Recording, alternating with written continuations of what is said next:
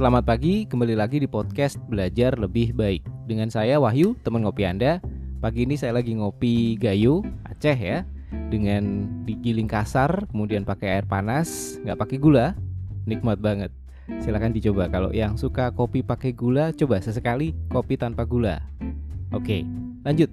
Di episode 18 kita sempat bahas cara untuk membangun percaya diri dari sisi pikiran Caranya adalah dengan menyimpan ingatan positif dan mengambil ingatan positif.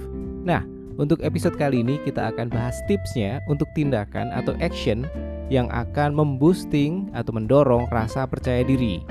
Di buku yang sama, The Magic of Thinking Big, tulisan David J. Schwartz PhD, di halaman 77 ada beberapa tindakan yang bisa dilakukan untuk mendorong percaya diri. Dan salah satunya adalah apa coba? Tersenyum yang lebar. Gak susah ya. Misal baru bangun tidur, masih ngantuk, jalan ke kamar mandi. Tapi sudah rasanya down duluan karena kepikiran siang nanti mesti ngejelasin project ke salah satu big boss yang terkenal galaknya luar biasa. Sering ya kayak gini ya.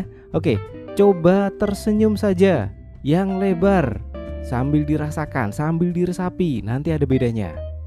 Kemudian misal mau berangkat menemui customer, presentasi produk yang benar-benar baru. Udah, tersenyum aja dulu, jangan dibawa khawatir.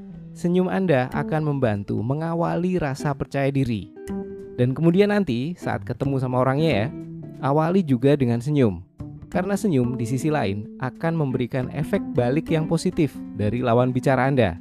Saat Anda senyum, mereka akan cenderung menganggap Anda ini percaya diri dan bersahabat Oke, respon yang muncul jadinya adalah trust atau rasa percaya dan reaksi yang lebih bersahabat. Oke, simpel ya. Jadi awali dengan senyuman. Itu saja untuk kali ini. Jangan lupa senyum, stay safe, tetap semangat. Sampai ketemu di episode berikutnya. Bye.